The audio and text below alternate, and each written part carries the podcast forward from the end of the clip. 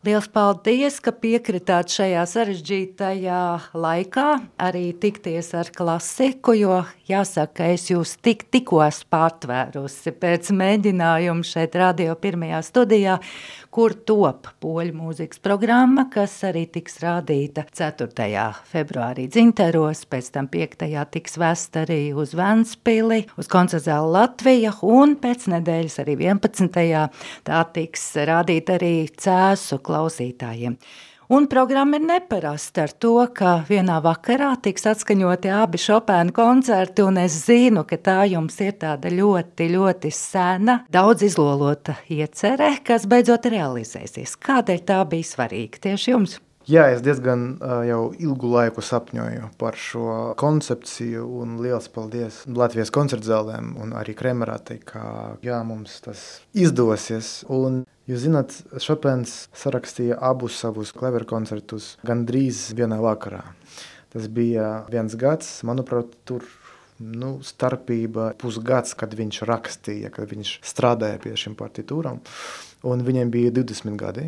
Tas ir viens periods. Tie klaveru koncerti ir diezgan līdzīgi savā struktūrā, bet ļoti, ļoti, ļoti dažādi, tīri dramaturgiski. Protams, tas ir par mīlestību. Cilvēkiem ir 20 gadi, un viņš ir dzinieks, un Šopens ir pēc savas būtības dzinieks. Viņš bija iemīlējies. Un otrā lieta, svarīga, viņš bija ļoti iedvesmots no itāļu operām. Viņš arī klausījās, kad viņš vēl bija Varšavā un visos arī salonos. Viņam ļoti patika dziedāšana, opera dziedāšana. Tāpēc šeit, it tīpaši ar stīgu kameru orķestri, ir tāda izdevība visu nu, tā, zīmēt vokāli. Teiktu. Tā ir tāda dziedāšana, kur visi dzied.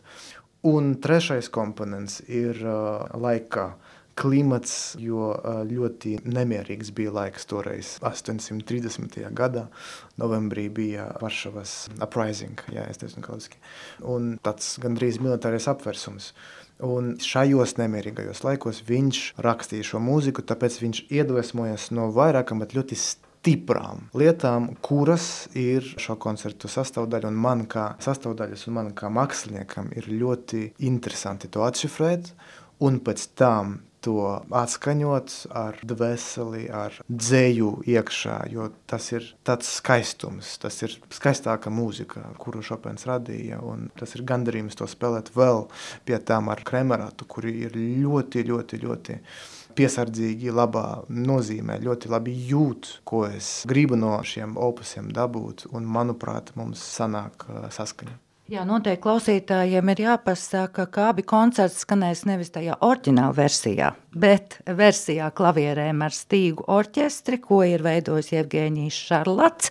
Un nu, pat es arī redzēju mēģinājumu aizstikliņā, ka jūs eh, šajos koncertos piedalāties nu, gandrīz vai tā kā diriģents klavieres atrodas vidiņā, tā tad jūs esat kopā ar mūziķiem. Vai tas ļoti maina klausītājiem to uztveri, tas palīdz kaut kādā mērā? Es pagaidām nezinu, vai es diriģēju tiešu koncerta laikā, jo orķestris ir tik profesionāls un tā ir viņu kremerātas vizitkārte. Jā, kā viņi spēlē bez diriģenta un tikai viņi to var tik izteiksmīgi izdarīt. Nu, tad jau arī iet. Ik pa laikam, jā, bet tomēr viņi ļoti mīl arī spēlēt paši. Tāpēc pagaidām nezinu, vai es būšu diriģenta lomā koncerta laikā, bet tagad, kad ir mēģinājumi, Un, protams, ir specifisks novietojums flīģelim, un, lai es visus redzētu, koncerta laikā varbūt būs bijis citādāk. Es nezinu, es eksperimentēju pagaidām. Bet jā, tās ir transkripcijas, kuras uzrakstīja speciāli ar veltījumu kremerātei vācu komponists Jevgenijs Šarlats. Šo diezgan sen izdarīja, 20 gadus atpakaļ.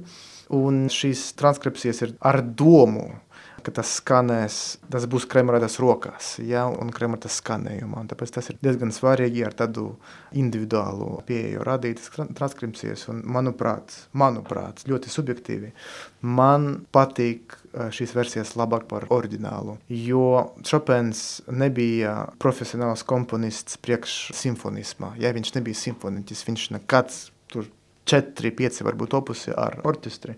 Un viņš mums pat nav pilnā manuskriptā. Jā, mēs varam domāt, ka viņš nebija vienīgais, kurš pierakstīja instrumentāciju. Un pierakstīja visas notis. Dažreiz viņš vienkārši atstāja funkcijas, pat nepierakstot notis. Un, protams, viņa laikos bija liela kritika piemēram, no Hektora Berlioza, kurš teica, ka nu, tas ir ģeniāls komponists klavieram, bet priekš orķestra viņš raksta ļoti augsti un tur nav lielas jēgas.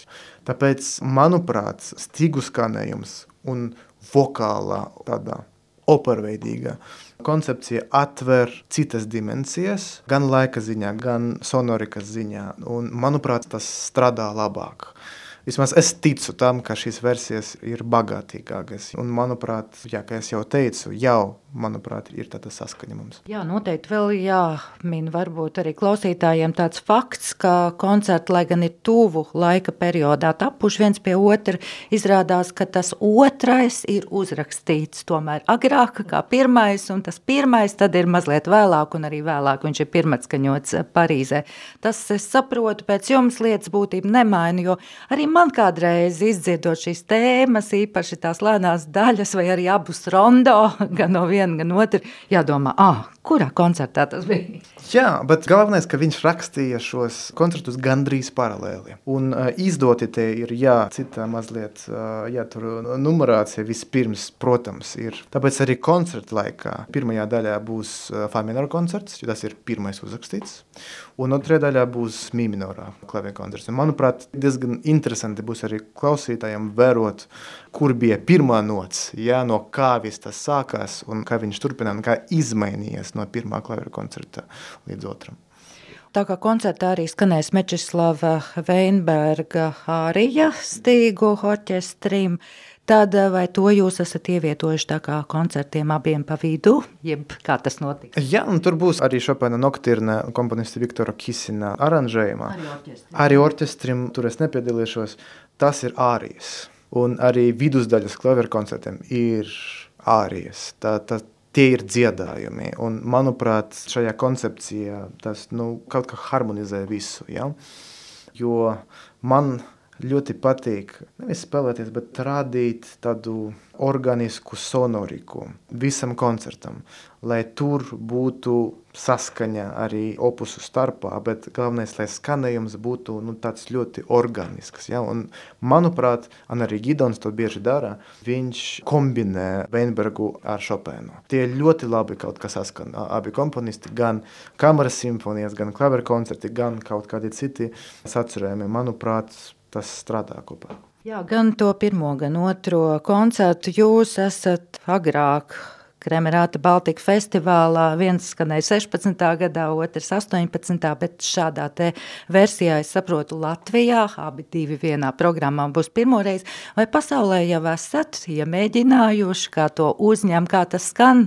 Nē, tas ir pirmais opus. Mēs sāksim ar Latviju, un šajā gadā mēs turpināsim arī spēlēsim citu vietu. To ļoti labi, zinu, ka ļoti labi uzņem, jo tas ir diezgan reti kad ir šāda programma un kad nu, varbūt pianisti atļaujas ko tādu izdarīt, jo mēs tomēr standarta situācija, kad ir viens klaveru koncerts un viens vai nu no simfonija vai lielāks sacerējums orķestrim, ja, kad, kad solists piedalās tikai vienā koncerta daļā, bet šeit es uh, būšu lielākoties tikai es solists, un tāpēc tā ir tāda uh, savdabīgai koncepcijai. Es nezinu, kā būs uh, pirmā reize. Droši vien mums būs vairākas izmaiņas. Bet jā, tā, tā ir, tas ir pirmais opus, un mēs tieši sāksim ar, ar Latvijas publiku. Nu, tad man jājautā, kur pēc tam ir iecerēts to visu vest un rādīt? Mums pagaidām ir iecerēts to izdarīt Polijā, augustā. Tāds mēs to vedīsim uz Vāciju, un tur būs arī koncerti. Cerams, ka viss sanāks, un šo programmu es domāju, ka mēs diezgan bieži tagad arī eh, spēlēsim citu vietu, jo, nu, manuprāt, tā koncepcija ir diezgan, diezgan savdabīga un interesanta. Jā. Daudz esat spēlējis arī pašā Polijā, protams, daudz arī Latvijā. Kā jūtat šo reakciju? Ir liela starpība uz to, kad Šopēns skan tur, Šopēns skan pie mums šeit Latvijā. Jā, jo nevar ignorēt to faktu, ka Polijā Šopens pat nesagatavo, priekš nesagatavotas publikas ir kā nu, tāda svetā govs. Viņu ļoti mīl, viņu ļoti aizstāv zemapziņā. Ja? Un tāpēc arī šausmīgi uzmanīgi klausās. It tīpaši Varšavā, it tīpaši Krakovā ļoti tas ir sajūtams tādā nu, gaisā, ja, ka tur kaut kas notiek, kaut kāda maģija. Un tā uzmanība ļoti, ļoti, ļoti palīdz. Šeit uzmanība ir cita daba, manuprāt, jo mums jau ir gan Kremrāte, gan man sava publika, kura iet uz koncertiem, viņiem interesanti, kas tur jauns būs, kā mēs attīstāmies arī kā, kā mākslinieki, un arī ir liela uzmanība. Šeit es vairāk atļaujos eksperimentiem, jo šeit kaut kā vesturiski man tā ir uh, ērtāk un vairāk varbūt arī ir cilvēki, zālē, kurus es pēc tam klausos, un viņi var kaut ko ieteikt. Jo, manuprāt, māksliniekam vienmēr jābūt protams, savā ceļā, bet arī ar atvērtām ausīm. Ja. Tāpēc šeit ir tāda eksperimentā platforma, un tāpēc mēs esam brīvāki šeit. Man ir tāda subjektīva sajūta, varbūt citiem muzeķiem, ne visiem ir tāpat, bet man kaut kā ļoti un vienmēr bija ērti šeit spēlēt. Ja. Jā, nu un arī nākamais jautājums. Jūs jau esat dažus gadus jau kā Kremerāta Baltika rezitējošais viesmākslinieks. Nu, ko priekš jums šis status ir tādu jaunu iedevis, arī kā solistam? Darbs ar jaunu skaņu, jo gan darbs un tāda miedarbība ar, ar Gidonu uzskatos un aizskatos ļoti bagātina tādu skaņas fantāziju un arī darbs ar orķestri, jo viņam ir ļoti specifiska, ļoti īpatnēja skaņa, ko, protams, pateicoties, protams, Gidonam. Un tīri muzikāli un arī mākslinieciski tas atver jaunus krastus, un tas ir, manuprāt, ļoti svarīgi. Es diezgan sen nebiju klausījies klavieru mūziku, starp citu. Es vairāk klausos simfonisku mūziku, es vairāk klausos kora mūziku, jo tas dod jaunas, jaunas skaņas, un mēs kā klaviernieki, ja mēs varam to ļoti, manuprāt, pareizi izmantot. Un arī citas lietas, kā programmēšana. Es vairāk esmu iesaistīts orķestrā programmas, ja liktenī, ko viņi spēlēs šeit, ko tur mēs kopā varam izveidot kaut kādas koncepcijas kopā ar Gidonu, un tā ir arī jauna cita līmeņa domāšana, kas manuprāt, arī ļoti palīdz man augt kā mūziķim, kā māksliniekam. Tāpēc Es esmu ļoti pateicīgs Gidonam par šādu iespēju, un mēs esam tāda riktīga ģimene šobrīd ar orķestri. Un tas dod spārnus un dod brīvību, un galvenais, tas dod uh, laiku, laiku eksperimentēt, kas ir ļoti svarīgi. Jā. Nu, un šobrīd, kad pirkstos galvā visur citur ir šopēns, ir vēlēšanās arī mājās uzlikt kaut ko citu un paklausīties nu, sava prieka pēc, varbūt atslodzēja vai kaut kam, vai arī smadzenes savādāk nodarbināt ar kaut ko citu? Tas ir ļoti labs jautājums, jo kaut kā, nu, Šopēnu es, es neklausos, ja, un, un, šos opus es, es arī īpaši ierakstos neklausījos, bet man ir tā, es nevaru vienkārši, kad mūzika skan, ja, un skan fonā, es nevaru to neklausīties. Un tāpēc, ja es gribu kaut ko izvēlēties, ja mājās, kā jūs sakot, kaut ko paklausīties, es vienmēr to nu, cenšos darīt. Varbūt citādāk arī nevaru to izvēlēties ar jēgu, lai nu, tas ir interesanti kaut ko jaunu paklausīties. Un bieži vien tā nav tikai klasiskā mūzika, protams, bet tur jābūt kaut kādam vestījumam. Man nepatīk varbūt tik daudz klausīties tādu nu, vieglāku jā, mūziku, es tad varbūt kaut ko vieglāku, nezinu, uh, izlasīšu vai nu paskatīšos kino, lai, protams, mācības nevar būt 24 stundas šajā Domā, domāšanā, šajā, šajā opusā. Jā, tā, tā, protams, nevar. Bet jā, man kaut kā ar mūziku ir tādas īpašas attiecības jā, šajā ziņā. Nu, tā kā mēģinājuma telpa jums ir šeit radio, tā ir pirmā studija. Vai ir doma, ka šeit arī kādus ierakstus kopīgi ar Kremeratu drīzumā veiksiet? Ja viss mums sanāks, tad mēs to pēc kāda laika veiksim cēsīs, jo tur ir ļoti laba akustika priekš orķestra.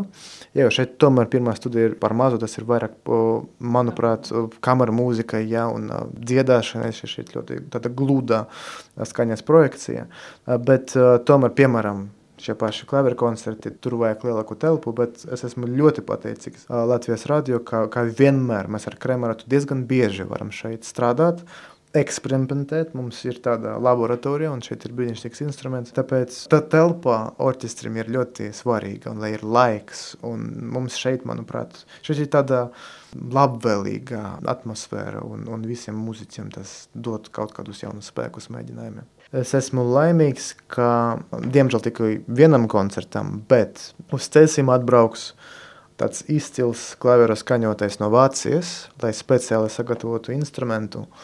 Un, manuprāt, viņš ir, viņš ir ģēnijs, ko viņš var izdarīt ar skaņu.